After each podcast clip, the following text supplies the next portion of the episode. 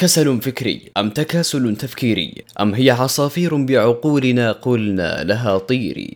أيا كان المعنى فنحن نعيش داخل دائرة كتب لها التمطع ونقش عليها التنطع فالداخل خاوي والخارج لا يشفي ولا يداوي.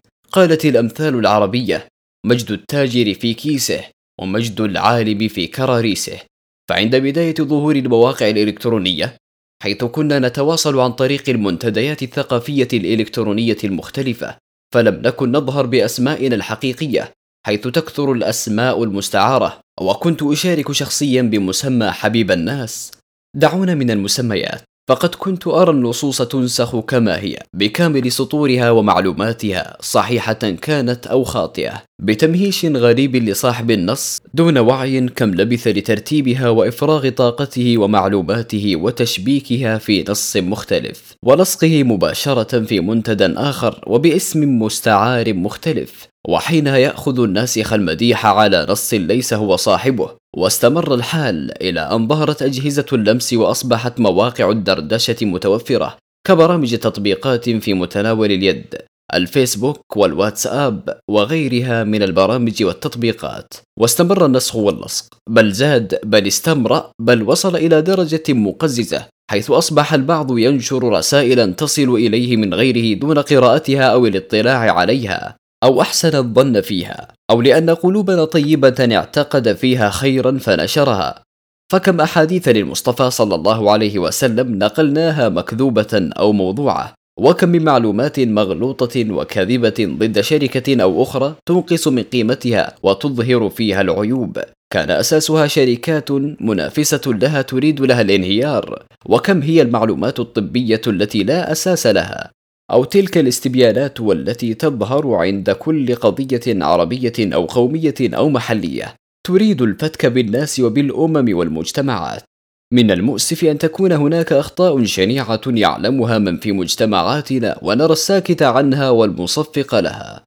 فالنسخ واللصق تعدى حدوده ليصل لجامعاتنا حيث بحوث التخرج ونسخ البحوث السابقة من طلبة سابقين ولصقها لطالب لم يعمل ولم يجتهد ولم يبحث عن شيء. حينها فعلا نرى متخرجين جامعيين لا يستطيعون تركيب جملة واحدة. متخرج جامعي بعقلية واهية وشهادة مستعارة وكلمات لا يستطيع الربط بينها. لماذا أصبحت مجتمعاتنا متهالكة متفككة فارغة ومفرغة؟ لماذا النسخ واللصق؟ لماذا يا أمة اقرأ؟ قال جاليلي جاليلي لا أعتقد أن هناك ما يجبرني على تصديق أن الإله الذي حبانا بالمنطق والتفكير والذكاء يريدنا ألا نستعمله. نعم لقد صدق. فقد أكرمنا الله سبحانه وتعالى وفضلنا بين الأمم بأسباب وصفات وأخلاقيات فقدناها. منها هذا العقل العجيب والغريب والذي قال عنه الكاتب والأديب مصطفى السباعي لا ينمو العقل إلا بثلاث إدامة التفكير ومطالعة كتب المفكرين واليقظة لتجارب الحياة. فهؤلاء الألمان يقولون في أمثالهم لا ينمو الجسد إلا بالطعام والرياضة ولا ينمو العقل إلا بالمطالعة والتفكير. فإن أردنا القيادة كشعوب وأمم فالقيادة هي فن التفكير السريع. قال الإمام علي رضي الله عنه إذا تم العقل نقص الكلام. قيل في المثل العربي العاقل من عاقل لسانه وليتنا نعقل ألسنتنا وأيادينا من العبث بأفكارنا. قيل قل لي ماذا تقرأ؟ أقل لك من أنت. ويقول عباس العقاد اقرأ كتابا جيدا ثلاث مرات أنفع لك من أن تقرأ ثلاث كتب جيدة. وأعتقد أن ما أضحكني هو ذلك المثل الصيني الذي يقول القراءة بلا تأمل كالأكل بغير هضم فهل قمنا بهضم الكم الهائل الذي ننسخه ونلصقه؟ فالمطالعة للنفس كالرياضة للجسم. هذا قول أديسون. وقيل لأرسطو كيف تحكم على إنسان؟ فأجاب أسأله كم كتابا يقرأ وماذا يقرأ. فليست العربة في كثرة القراءة بل في القراءة المجدية. وقال دوبو فير اقرأ قليلا ولكن استوعب كل كلمة قرأتها.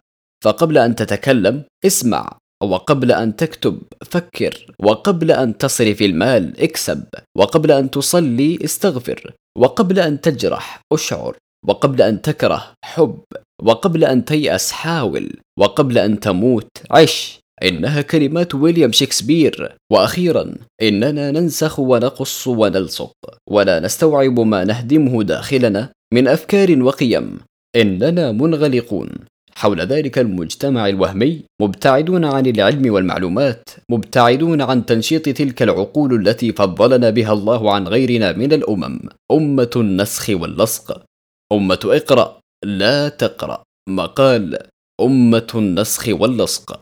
بقلم الكاتب حمزة عصام بصنوي إلقاء صهيب الأشموري.